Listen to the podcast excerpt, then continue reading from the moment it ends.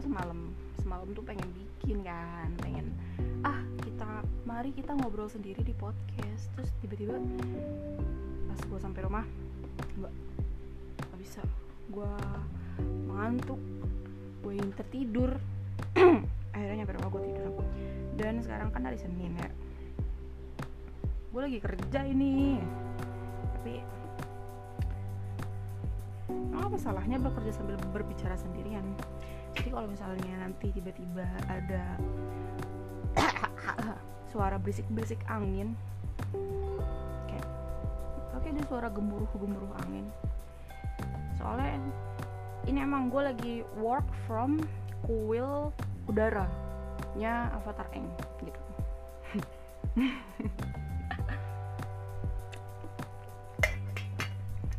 Oke, jadi sebenarnya gue tuh pengen cerita.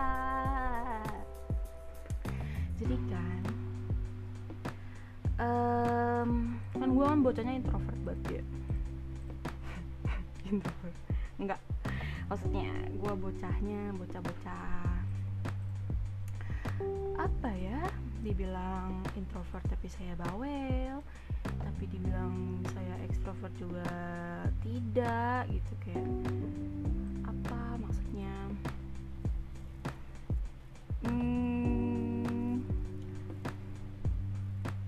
jadi sebenarnya saya adalah ENFP MB, MBTI MBTI oh, MBTI MBTI MBTI gue ENFP jadi katanya yang gue baca-baca dari hasilnya kalau misalnya ENFP itu ekstrovert tapi kalau di antara ekstrovert yang lainnya dia itu introvert. Dan kerjanya ENFP ini adalah uh, dia demen ada di sekeliling sekeliling orang-orang introvert. Jadi kayak biar dia yang jadi bawel sendiri. Gitu. Nah terus gue nggak tapi kayak kata orang ya si tes tesan MBTI ini tuh kayak nggak akurat gitu. Ya terserah lah mau percaya atau enggak seru aja ngikutin tesnya. Terus uh, oh ya. Terus ada teman gua waktu itu dibilang ke gua katanya uh, lu tuh coba deh jalan-jalan keluar bermain-main. Kayak jangan di rumah terus. Terus gua kayak mau main sama siapa? Gue gak punya teman terus dia kayak temen lu kan banyak. Terus gue kayak tapi nggak ada yang ngajak gue main. Terus dia kayak ya udah ajak main duluan. Terus gue yang gue nggak bisa ngajak orang main duluan. Apalagi orang-orang yang gue gue nggak nggak nggak deket-deket banget. Karena hmm, gue takut canggung aja suasananya mana seru gitu. Terus ya udah gue bilang aja gue jawab lah. E, enggak. Pokoknya lah gue bilang gue gak punya temen karena nggak ada yang ngajak gue main gitu. Padahal sejujurnya gue tuh uh, anaknya main banget anaknya main banget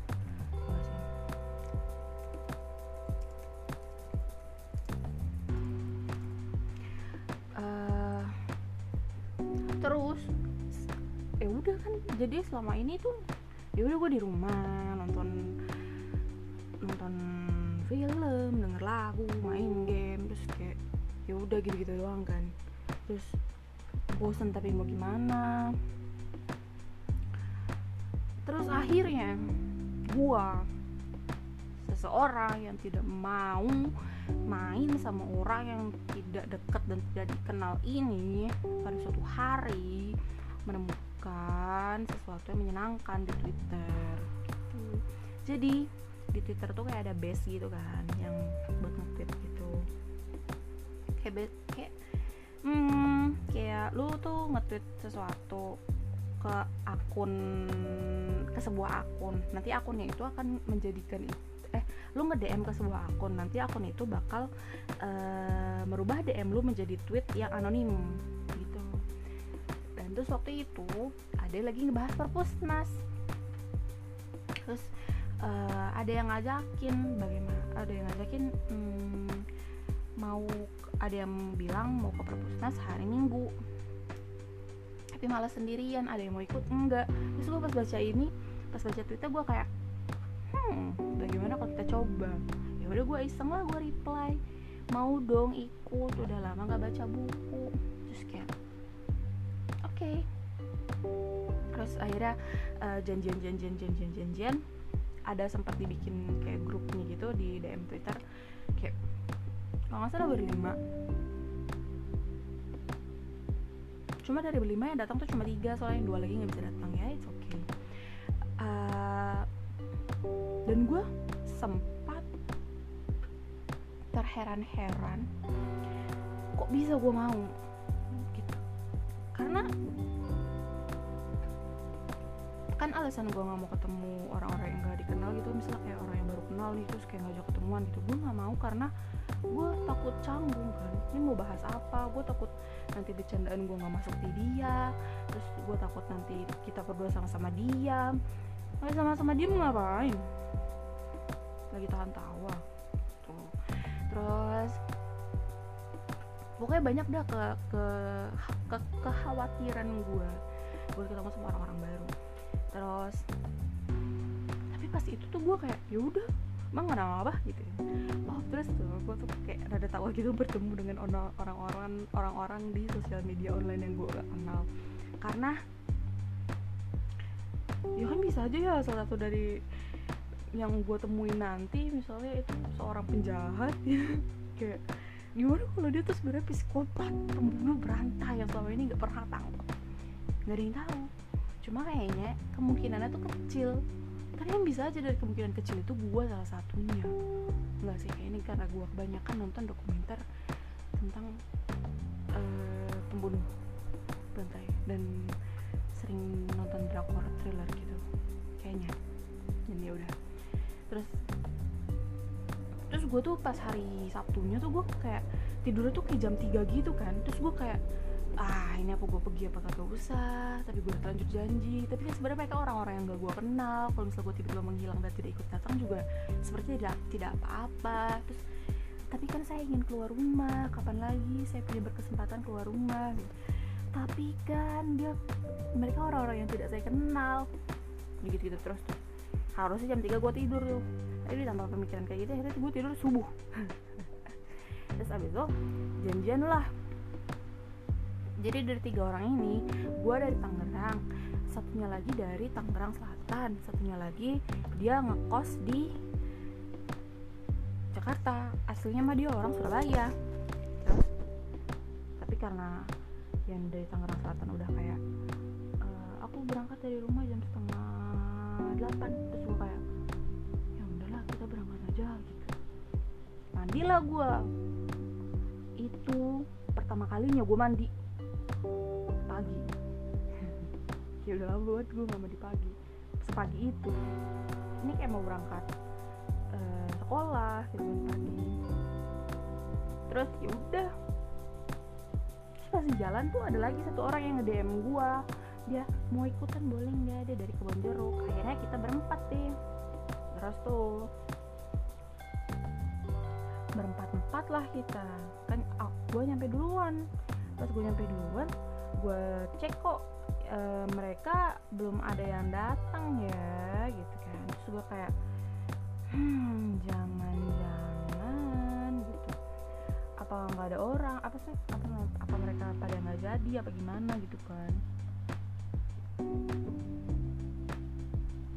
Terus gue berpikir ah ya udahlah tuh perpusnas sendiri kagak nggak apa-apa.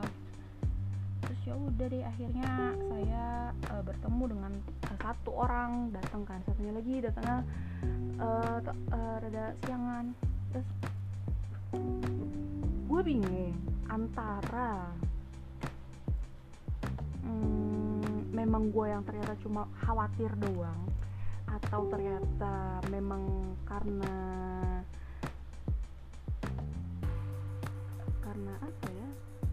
Nggak tahu. Tapi gue kan gue ketemu kan kayak ya lo tau lah kayak e, kamu di mana? Aku udah sampai kamu di mana? Aku di sini coba foto oh masuk aja ke dalam gitu kan aku mau tuker uh, aku mau naruh tas gitu kan. Terus kayak oke okay, oke okay. kamu pakai baju apa? Aku pakai baju abu-abu. Terus kayak oh iya dadah gitu kan. Terus kenalan terus tuker tas terus gue sama dari proses itu gue tidak merasakan rasa panik atau rasa curiga atau rasa rasa tidak nyaman? Enggak. Kayak ya udah gitu. Terus um, akhirnya um, pergilah ke lantai dua satu. Terus nyari nyari buku kan. Nyari nyari buku nyari nyari buku. Terus ketemu terus duduk baca. Apa karena pemilihan tempat kita adalah perpustakaan yang tidak memungkinkan untuk berbicara panjang lebar? Jadi kayak gue nggak merasa hmm, canggung sama sekali. Atau karena memang sebenarnya nggak ada canggung-canggungan sama sekali gue aja yang berpikiran kalau ketemu orang baru tuh bakal canggung padahal nggak. Gitu. Kayaknya iya deh. Terus pokoknya baca buku baca buku terus ketemu um, yang lainnya. Terus habis itu jam uh, jam 12 makan. Terus kayak makan ngobrol-ngobrol-ngobrol-ngobrol udah. Kayak kayak ngobrol biasa aja padahal. Eh, ini gue bertiga-tigaan adalah orang-orang yang tidak tahu satu sama lain. Bahkan akun twitter gue akun twitter dia dan akun twitter dia itu nggak ada yang ngasih informasi pribadi gitu. Nggak ada foto muka pribadi nggak ada kayak keterangan nama. Kayak gue gue pun baru kenalan sama teman-teman gue itu di lokasi gitu. Oh namanya siapa? Gitu. Bisa-bisa aja gue berani ya hmm kenapa ya? Tapi ya untungnya nggak ada yang aneh-aneh kan kayak ya udah ngobrol aja gitu kan. Makan ngobrol bercanda terus kayak uh, nyaris kekunci di tangga darurat karena karena kan liftnya penuh. Orang-orang liftnya penuh kan. Terus mengide lah kita mengikuti orang-orang yang naik tangga darurat karena karena mikirnya oh cuma dua lantai udahlah naik tangga aja. Masuklah kita ke tangga darurat sampai di lantai naik deh tuh. Udah naik dua lantai udah mana naik tangga. Kan gue udah lama gak olahraga naik tangga. Ngap dong jiwa dan raga gue terus abis itu uh, ternyata pas gitu-gitu tangga darurat gak bisa dibuka dari dalam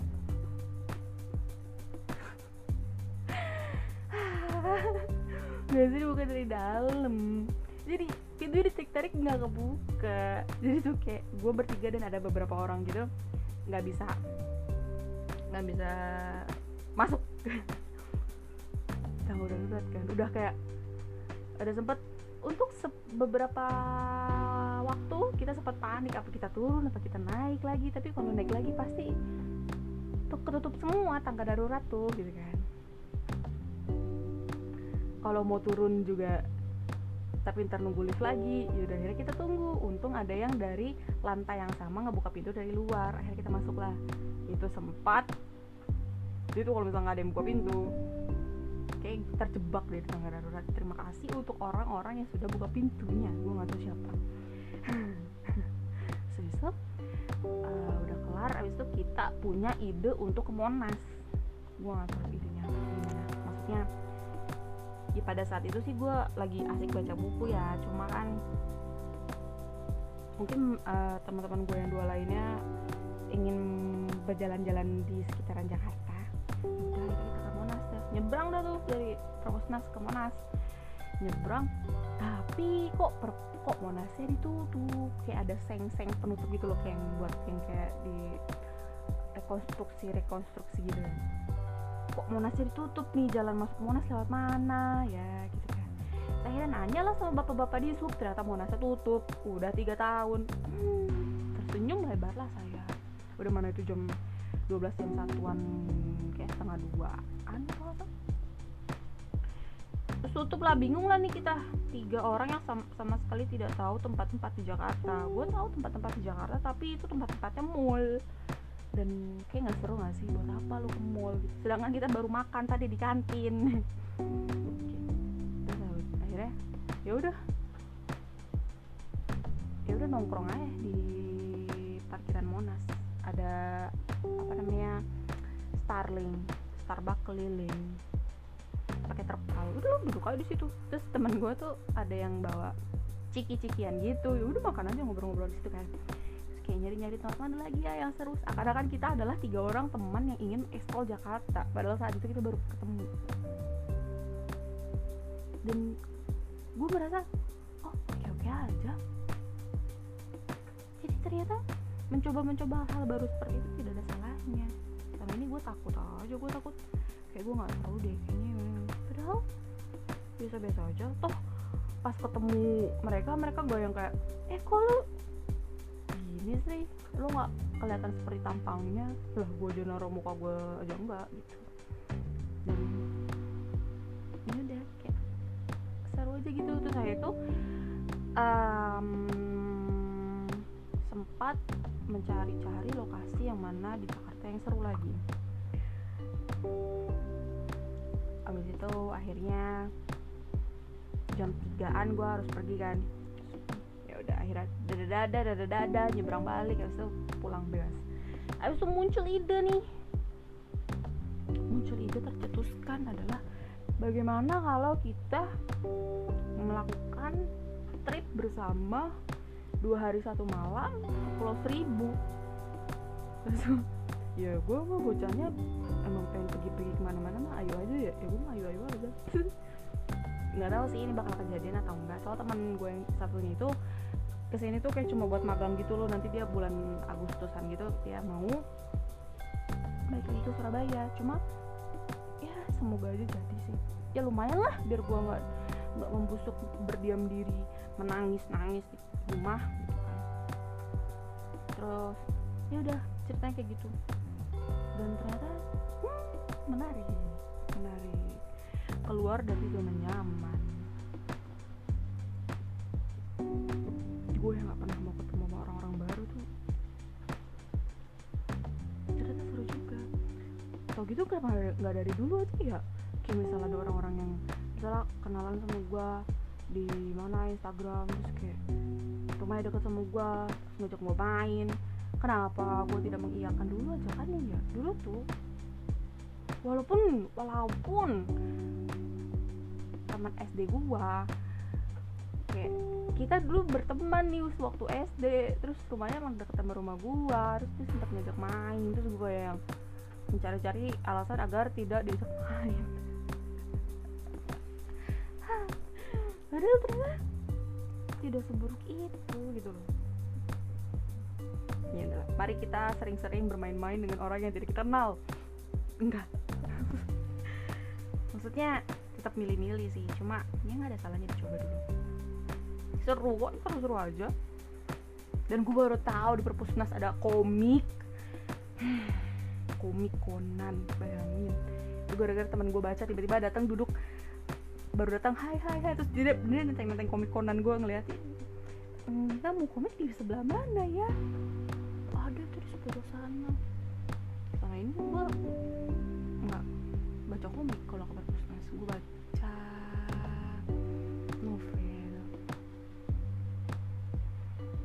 itu buat intermezzo aja jadi gue tuh kemarin baca bukunya kayak kumpulan-kumpulan tweet dan bahasan punya Sujiwo Tejo Sujiwo? Sujiwa? Sujiwo Tejo awalnya gue tertarik karena gue tahu namanya. Cuma kayak menurut gue tuh kayak first impression gue terhadap sosok su Sujiwo Tejo itu kayak ini om-om sangar. Om-om sangar yang terlihat kayak sulit didekati karena om-om nih kayak kacamata kumisan jenggotan terus kayak sangar gitu kan. Terus gue kayak kayak serem ya om-om ini ya. Terus dia memang beberapa kali aktif di gue sempat lewat ngeliat dia tuh kayak seliweran di TL gue gitu kan terus membahas banyak hal gitu dah. Terus tadi ngomong jancok jancok gitu kan terus gue kayak ini om-om sangar kenapa ngomongnya jancok jancok ya? Gitu. Terus ya udah iseng lah gue ambil bukunya. Gue penasaran karena apa sih uh, isi buku oh apa namanya sosok yang gue pikir sangar dan suka ngomong jancok. Gue baca lah. Terus ternyata seru juga. Ternyata dia tidak semenakutkan yang gue kira setelah gue tahu gitu kan.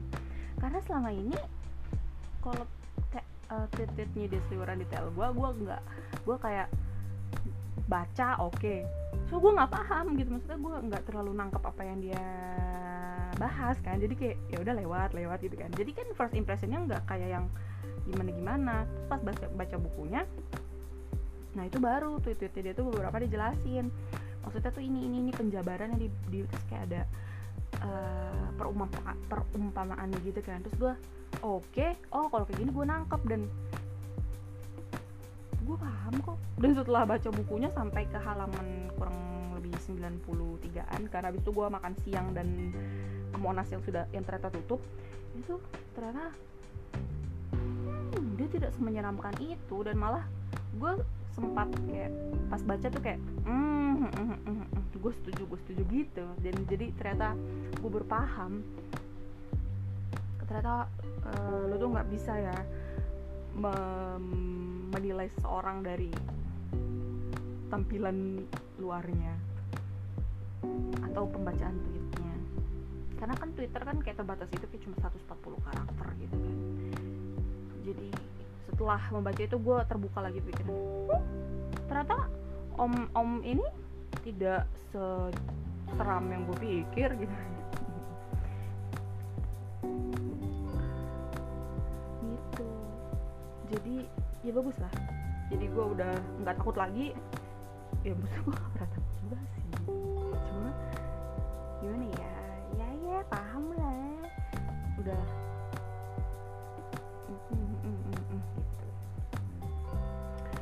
sama adalah ketika gue waktu itu uh, tidak sengaja bertemu sama podcast tapi dibilang podcast tapi video tapi ada di uh, YouTube. Waktu itu ceritanya Andika kangen band ngobrol sama Soleh Solihun tentang pokoknya kayak diwawancara gitulah. Dan pada saat itu gue uh, awalnya ya gue berpikir yang gue lihat dari sosok Andika kangen band sebelum gue mendengar podcastnya dia sama Soleh Solihun adalah wah ini emang, emang ini mah uh, vokalis band yang suka gonta-ganti cewek. Soalnya kan kayak dulu tuh beritanya tuh kayak si Andika Kangen Band tuh deket sama ini deket sama itu deket sama ini ini itu kayak banyak banget gitu kan.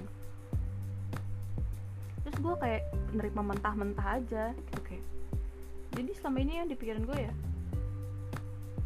wah ini mah ganti-ganti cewek mulu. Terus kan sempet kayak ada lah uh, bercandaan-bercandaan kayak uh, lu uh, masa lu sampai sekarang belum dapet pasangan? Terus Andika kangen band aja udah dapet lagi gitu-gitu kan. Terus kan jadi uh, kesan yang gue dapatkan adalah Andika band adalah sosok yang seperti itu. Terus setelah gue nonton uh, wawancara dan obrolan itu gue berpikir tentang Andika kangen band adalah oh jadi hmm, hmm, hmm, jadi begitu ceritanya kenapa dia sering banyak beritanya gonta ganti pasangan gonta ganti pasangan dan apa yang membuat dia akhirnya udah jarang ada pemberitaan Andika kangen band gonta ganti pasangan gonta ganti pasangan. Terus gue kayak hmm menarik. Terus setelah mendengar uh, wawancara tersebut gue menjadi bangga. Gue bangga kalau gue ternyata hafal banyak lagunya kangen band gitu. Karena sebenarnya orang-orang tuh sebenarnya apal tau lagu-lagunya kangen band mau lu sadari atau tidak pasti lu ikutan nyanyi deh kalau ada lagunya kangen band terus uh, ya udah ternyata memang lu tuh harus mm, mendengarkan cerita-cerita mereka dulu baru bisa menilai kayak gimana gimana. Makanya gua kadang tuh kalau misalnya jam jam-jam siang jam-jam ngantuk gitu kan ngapain ya bosan gue nontonin ini podcast podcast banyak podcastnya Soleh Solihun yang cuma pakai HP doang satu itu tapi gue tetap dengerin karena kan gue butuh suaranya doang yang sama Pevita Pierce yang sama eh, uh, Paji yang sama uh, Iwan Fals yang sama Ariel Noah. Cuma kan yang sama Ariel Noah gue nggak dengerin sampai full soalnya pakai bahasa Sunda. Wah bahasa Sunda kagak ada subtitlenya. Maksudnya ya yep, ya yeah kayak nggak paham nih gue bahasa Sunda. Sedikit doang. Sama siapa lagi ya? Uh, banyak deh. Terus podcastnya Uus juga. Uus Uus yang baru kenal udah kenal Danila siapa lagi ya? Uh, banyak deh. Terus podcastnya siapa lagi ya? Tapi paling itu doang sih Uus sama si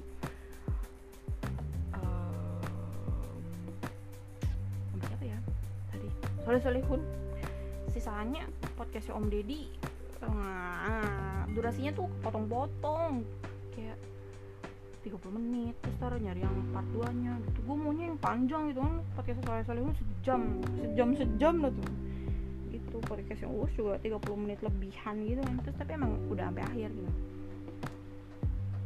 Dan seru jadi mendengarkan cerita-cerita orang tuh seru oh ternyata dia pernah begini ya. Ternyata dia pernah begini ya gitu. Terus kadang-kadang kayak ada uh, apa? Apalagi kalau misalnya orang orang yang cerita tuh bukan orang-orang yang gue tahu gitu. Kayak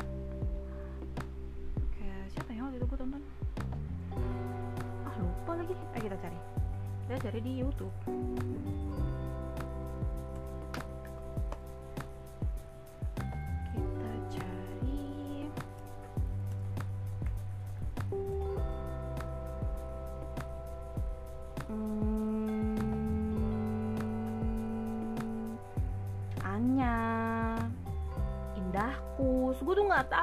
Indahkus ini siapa? Gitu kan.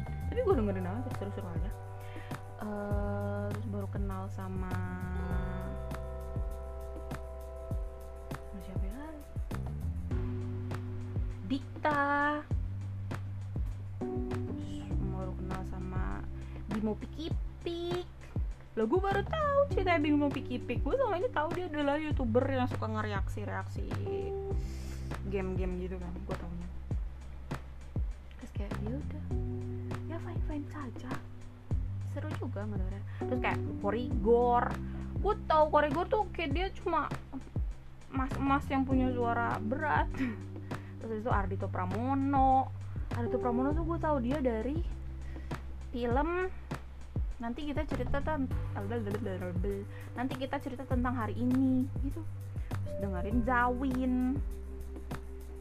Kayak Zawin gue tau dia tuh cuma stand up komedian sama mas-mas yang suka naik gunung gitu. Tapi ternyata eh, mereka lebih dari itu. Mereka lebih dari itu. Banyak sih yang lain lagi. Atau gue juga suka denger ini deh kayak apa apa boring bokir kayak mereka bertiga gitu. Uus si Boris sama uh, uh, yang keriting Gilbas. Ngomongin masa-masa kuliah. Kayak berasa kayak gue dengerin itu kayak berasa gue lagi ikutan nongkrong tapi gue jadinya uh, uh, tapi gue lagi di mute gitu gue gak bisa ikutan ngomong. Tapi seru-seru aja. Dan karena yang kayak gitu tuh lu bisa dengerin doang aja nggak apa-apa. Lu nggak harus ngeliat layarnya gitu. Gue suka suka aja. Kayak buat mengisi waktu luang aja. Gitu. Dan cerita-cerita orang-orang tuh menarik menarik sih.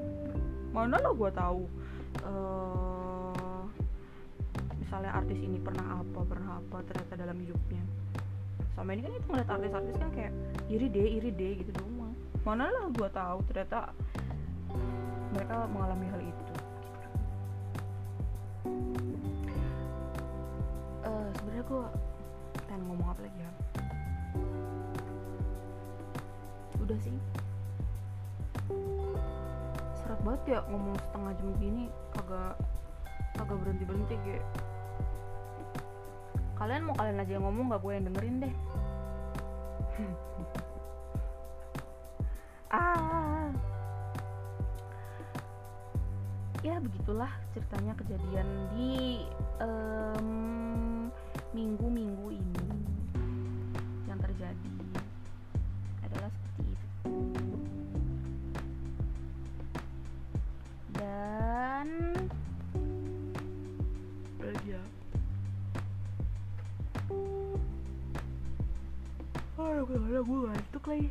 Ih, banget.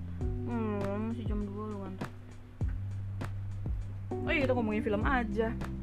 Ini tuh cuma bisa sampai 60 menit tau podcastnya Jadi kalau misalnya udah satu jam Dia kayak, apa namanya, mati sendiri ya udah.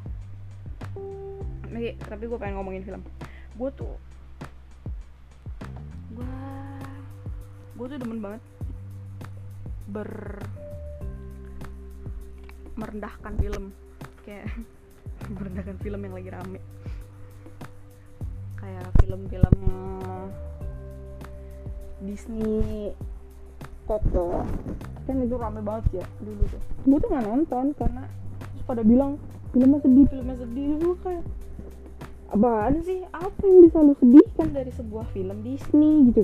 Kayak ini kan film animasi aja pasti nggak ada sedih-sedihnya. Apa sedih? Paling is berapa sih? Gitu. Kayak merendahkan banget gue kan terus pada suatu ketika di suatu pagi yang cerah gue nonton film Coco kan karena di, lewat di beranda Disney Plus terus kayak ah nonton aja lah.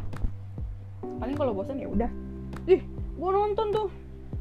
Menangis gue betul ternyata menangis gue kayak itu sedih banget. Kokonya sedih banget. Udah mana yang bapaknya ternyata bukan bapaknya lagi ternyata terus ternyata bapaknya di apa namanya? Di di apa sedih dah pokoknya dah. Nonton aja lu sendiri. Lu kalau misalnya nggak percaya film itu sedih gue gak akan kasih tau. Itu sedih banget. Apa lagi ya? Gue suka merendahkan film apa lagi ya? Eh,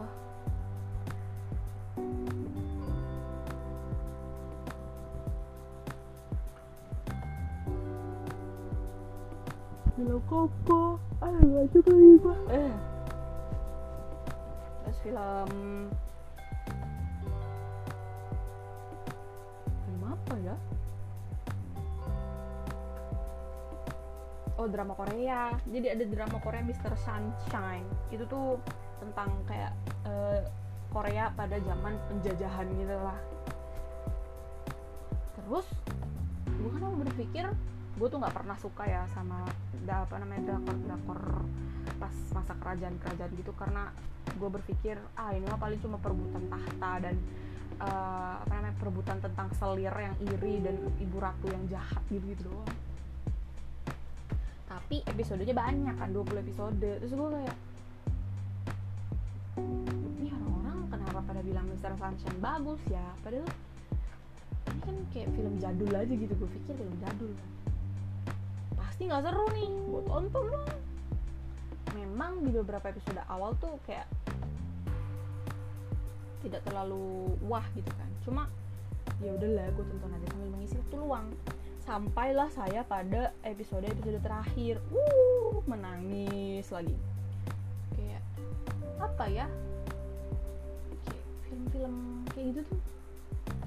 Yang kerajaan-kerajaan zaman dulu tuh pasti ada adegan di eh, si bangsawan misalnya punya pembantu kayak orang atau orang-orang yang ngikutin dia nemenin dia ke mana-mana gitulah. Yang selalu temenin dia ke mana-mana. Terus pada suatu hari mereka tuh kayak kejebak gitu kan kayak kan itu lagi ceritanya lagi eh, penjajahan kan. Terus jadi harus kabur tapi harus ada yang eh, menjadi umpan kayak untuk menahan-nahan waktu sampai diserang gitu. Biar nggak kekejar lah intinya. Terus bisa-bisa mereka nih para bawahan ini rela mati demi tuannya biar bisa kabur gitu kayak. Sedangkan si si eh, bawahannya ini tuh sebenarnya mereka masih pengen hidup gitu kan sedih ya kayak gue tuh nggak nggak pernah bisa mikir kalau misalnya ada adegan-adegan yang kayak gitu. Kayak lu merelakan nyawa lu untuk menyelamatkan seseorang padahal lu sendiri tuh masih punya keinginan untuk hidup gitu. Kayak ngerti gak sih gue tuh? Bagian gue tuh kalau ada film-film yang kayak gitu gue tuh selalu nangis. Karena kok bisa maksudnya apa yang dilakukan sama orang yang dibela dia gitu sampai kayak kok rela mati gitu. Terus gue sempat berpikir kan ini mah hmm, dibikin ceritanya kayak gini mah karena emang uh, film doang kayak biar biar ada adegan-adegan dramatis dramatisnya gitu. Gue pikir juga awalnya begitu. Tapi kan saya sudah terlanjur menangis. Nah sampai saya menonton uh, dokumentasi perang dunia kedua gue lupa waktu itu ada di uh, perang dunia pas perang di mana gitu gue lupa. Oh kayaknya ini deh. Uh, apa yang suka jadiin film itu? Uh, aduh pertarungan di mana ya? Gue lupa. Ntar kita bukan Netflix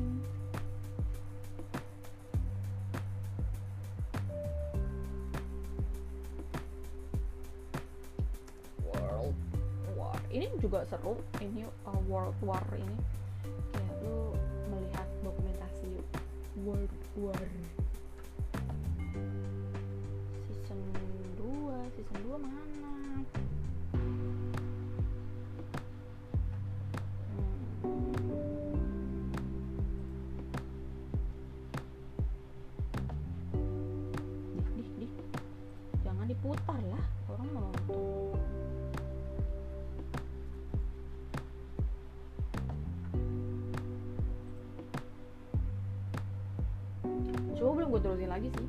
Soalnya nggak tahu tidak ingin memikirkan tentang perang. Ah Dunkirk. Dunkirk. Ya ada film kan.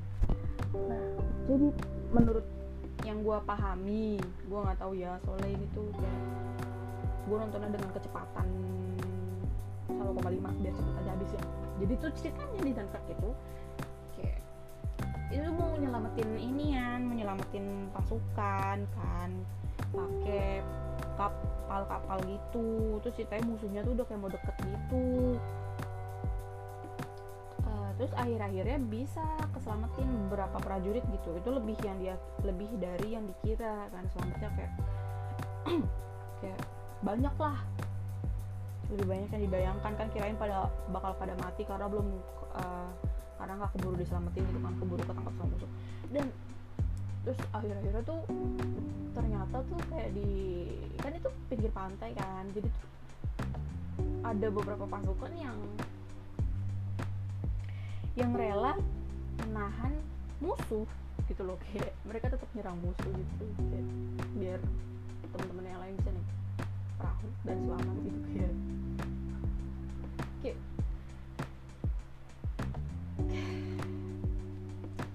itu pasti mati ya maksudnya lu, udah terpojok nih. Terus bantuan udah datang nih buat biar lu dibawa pulang. Tapi lu ada ada prajurit yang nggak ikut pulang nih. Maksudnya bukan nggak ikut sih kayak ba barisan paling terakhir gitu. Yang uh, harus uh, memperlambat musuh dulu biar seenggaknya yang teman-teman yang udah nunggu tuh pada cepet kabur duluan. kan setidak-tidaknya kalau misalnya lo jadi salah satu bagian dari prajurit itu lo pasti berpikir lo bakal mati. Seenggak ah, kayak udah lo paling depan ketemu musuh terus lo paling belakang dari teman-teman lo yang mau kabur naik kapal gitu kayak tapi kok bisa? Tetap mau gitu. Apa nggak terpikir pengen kabur aja gitu kayak ah bodo amat lah. Apa sih ini membela uh, teman-teman yang lain? Saya ingin kabur saya ingin hidup. gitu gitu ya gue tuh nggak paham kayak gue yakin mereka pasti sebenarnya pengen hidup kok. Tapi kok sampai rela-relanya gitu apa karena disuruh sama atasannya? Tapi kok sekali-kali pun sekali-kali pun bisa lo prajurit bawah lah yang apa masalah yang nggak ada pilihan lain selain menuruti atasan lo tapi kan apa atasan yang nggak takut mati gitu? Apa atasan yang nggak pengen uh, hilang dari tanggung jawab aja gitu udah diem aja buru gue aja yang ada di depan ada musuh gue ikutan kabur sama yang lain. Sih ya?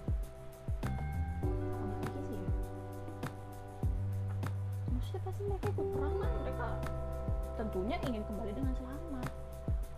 Oke, mereka kan pasti punya orang-orang yang mereka sayang mereka peduliin mereka pokoknya setidak-tidaknya mereka pasti punya bayangan lah tentang apa yang akan mereka lakukan untuk ke depannya kalau misalnya mereka pulang balik dengan sehat gitu. Tapi mereka ngejagain itu. Sedih ya kayak kayak apa sih kayak gue gue sih nggak tuh orang-orang yang kayak gitu tuh gimana mikirnya. Mungkin gue nggak tahu karena gue nggak pernah mengalami itu ya. Terus yang di film itu tuh yang di apa Mr. Sunshine itu. Nah ada nih suatu ketika ceritanya tuh prajurit uh, prajurit itu udah kepung gitu kan. Kayak dia tuh kekepung gitu terus udah kayak pokoknya kayak kalah jumlah banget deh terus kayak tentang yang musuhnya tuh udah mana canggih-canggih uh, peralatannya. Terus tuh ini drama Korea ya gue ngomongin drama Korea. Canggih-canggih peralatannya terus banyak lagi. Terus si yang di Koreanya ini tuh kayak cuma beberapa orang doang. Terus senjatanya juga se seadanya gitu kan. Tapi terus kan sempet ada yang kayak ada yang takut tuh kayak yang oh kita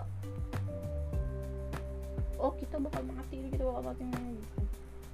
Kan kita kabur aja kita kabur aja. Terus ada satu orang yang kayak nggak bisa kalau kita kabur nanti uh, musuhnya bakal cepet sampai ke rombongan yang lagi kabur yang lagi yang lain. Kita harus sebisa mungkin nahan musuh ini uh, selama mungkin gitu. Nggak apa-apa kita mati gitu. Terus kayak terus tiba-tiba mereka semua kompak kayak kompak kayak ya udah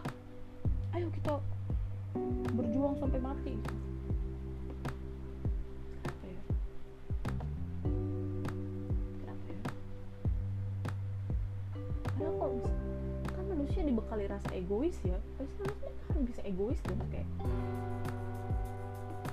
kayak enggak lu kabur aja gitu. Banyak kan drama-drama Korea yang ada lagi drama-drama perang-perang gitu misalnya ada yang uh, egois yang mau dengan kepentingan sendiri. Terus kayak malah jadi tokoh yang jahat. Ini memang jahat sih cuma kan kalau dipikir-pikir lagi memang manusia punya sifat egois gitu kok mereka kayak siap mati untuk membela gitu. Kenapa ya? Terus akhirnya udah tuh di situ mereka kayak perang kan. Teriak-teriak perang kayak wah biarin aja gue mati. Gini iya tuh gue nangis tuh kayak nggak gitu sih pokoknya. Udah nangis matanya sembab tidurnya kurang karena gue maratonin habis tiga hari apa berapa hari itu dramanya? Dramanya itu sudah gue bisa move dah. Dramanya sedih doang. Tapi gue sempat merekam isak tangis gue dah pas lagi nonton dramanya itu kayak lagi sesebukan sesebukan tapi memang memang gitu gue nggak pernah paham. Kok kayak itu. Terus uh, ama misalnya ama sama di tokoh-tokoh yang di film-film kiamat. Yang misalnya kiamatnya udah mau deket nih.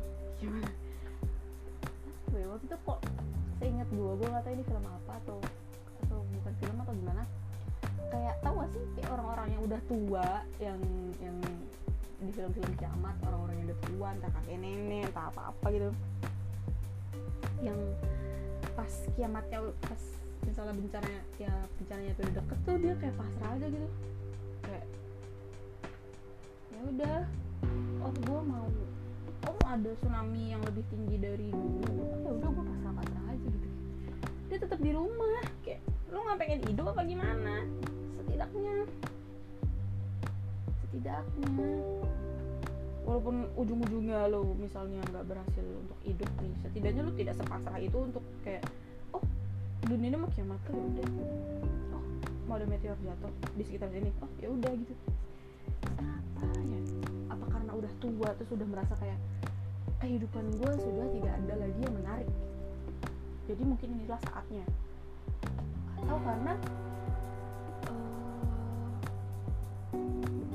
dia memang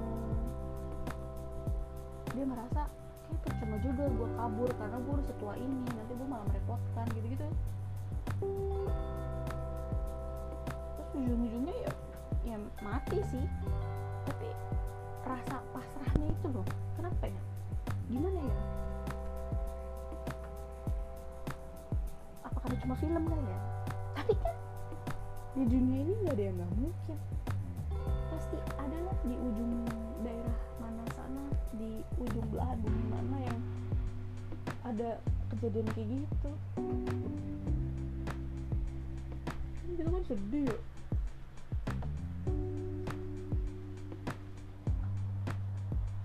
Ya gua nggak tau dah. Ini drama-drama yang kayak gitu tuh bikin bikin gue nangis-nangis doang aja. Terus apa lagi? Gue lagi nonton drama ini tuh Moro ceritanya tuh tentang kayak pencabut nyawa gitu tapi kayak mereka tuh mereka tuh malaikat pencabut nyawa yang mencegah orang-orang buat bunuh diri. Jadi kalau misalnya orang bunuh diri tuh mereka samperin terus mereka sebisa mungkin mengubah dia jadi nggak mau bunuh diri lagi. Dan kasusnya banyak. Ada kasus bully ada kasus apa uh, ditinggal sama kekasih ada kasus pahlawan perang yang dulu tuh ikut perang tapi sekarang malah jadi miskin gitu kan. Padahal dulu dia membela-bela mati-matian negaranya tapi sekarang malah dia tuh kayak cuma ngumpulin rongsokan gitu. Terus dia main bunuh diri.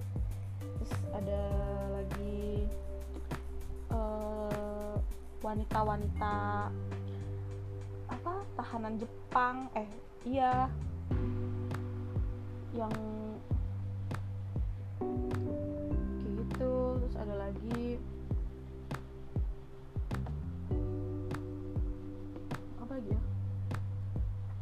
iya itu.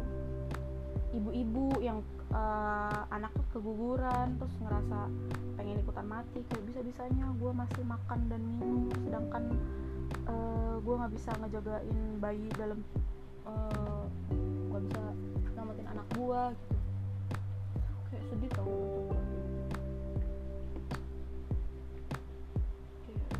ah gue mah aja di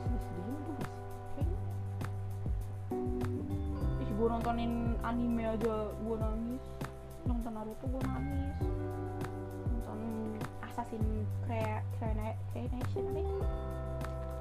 yang ini loh yang gurunya warna kuning.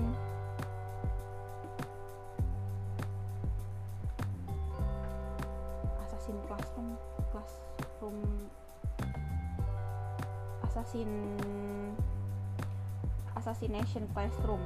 Gitu lah kan awalnya gue melihat ini kan apaan sih aneh banget. Masa dibilang gurita bukan? Kan bentuknya bulat dan kuning dan besar tapi dia menjadi guru. Tapi dia maksudnya animenya nggak ada tokoh yang ganteng gitu. Apaan ini kuning bulat gini? Mana jadi guru lagi? Gue pikir gak ada seru-serunya kan. Nonton lah gue awalnya oh hahaha lucu ya lucu ya lucu ya. Akhir terakhir ya. Nangis lagi bang pas main pas apalagi pas pengen mati tuh si gurunya. Jadi tuh gurunya tuh sayang banget ternyata sama murid-muridnya kayak. Padahal dia sebenarnya bisa kalau misalnya dia mau jadi jahat dan menguasai dunia dia bisa dia mampu gitu tapi dia malah pengen jadi guru ada-ada aja. Terus sama murid-muridnya tuh kayak murid-murid punya kekurangan apa ntar dia cari cara mengatasinya gitu-gitu. Tapi tuh karena dia adalah ceritanya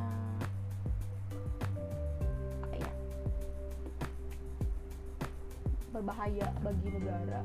Apa cerita yang ntar dia bakal meledak sendiri terus ntar populasi dunia bakal kacau itu jadi dia harus dibunuh. Makanya semua negara tuh berusaha buat ngebunuh dia kan jadi. Tapi nggak bisa. Terus akhirnya si kelompok sekelas murid-muridnya inilah yang harus ngebunuh si gurunya. Nah pas ngebunuh lah. Udah uh berlinang-linang air mata sampai gue berharap ini bisa gak sih? Kayak nggak usah nggak usah nggak usah nggak usah mati dah. Masalahnya ya kalau di anime udah mati kan gue nggak bisa ketemu dia lagi. Kayak kalau misalnya drama Korea kan diperanin sama orang maksud kalau dia di drama ini mati nanti dia bakal ada project drama lain dan gue masih bisa ngeliat kalau misalnya ini dia udah mati di sini mana bisa hidup lagi? Gitu. Kayak gue sedih banget. Udah mana mati? Ih jelek banget gue nangisnya nangis jelek. Jadi kadang gue kalau misalnya pengen nangis eh gue suka minta saran atau ya ngeliat ngeliatin aja mana sih yang sekira-kiranya nggak mungkin lah yang bikin nangis gitu gue suka kayak gitu. Pernah rendahkan film. Padahal ternyata seru. Kayak tapi itu bagus jadi ekspektasi gue nggak terlalu ketinggian. Jadi jadi kadang-kadang menurut gue semua film mau keren-keren aja. Apalagi ya yang gue suka tonton tonton gitu terus nangis. Banyak sih. Atau yang sampai kayak wah gitu juga banyak. Hmm.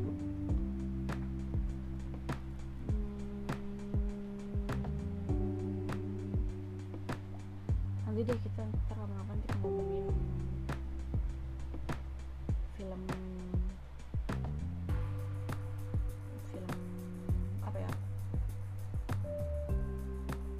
zombie.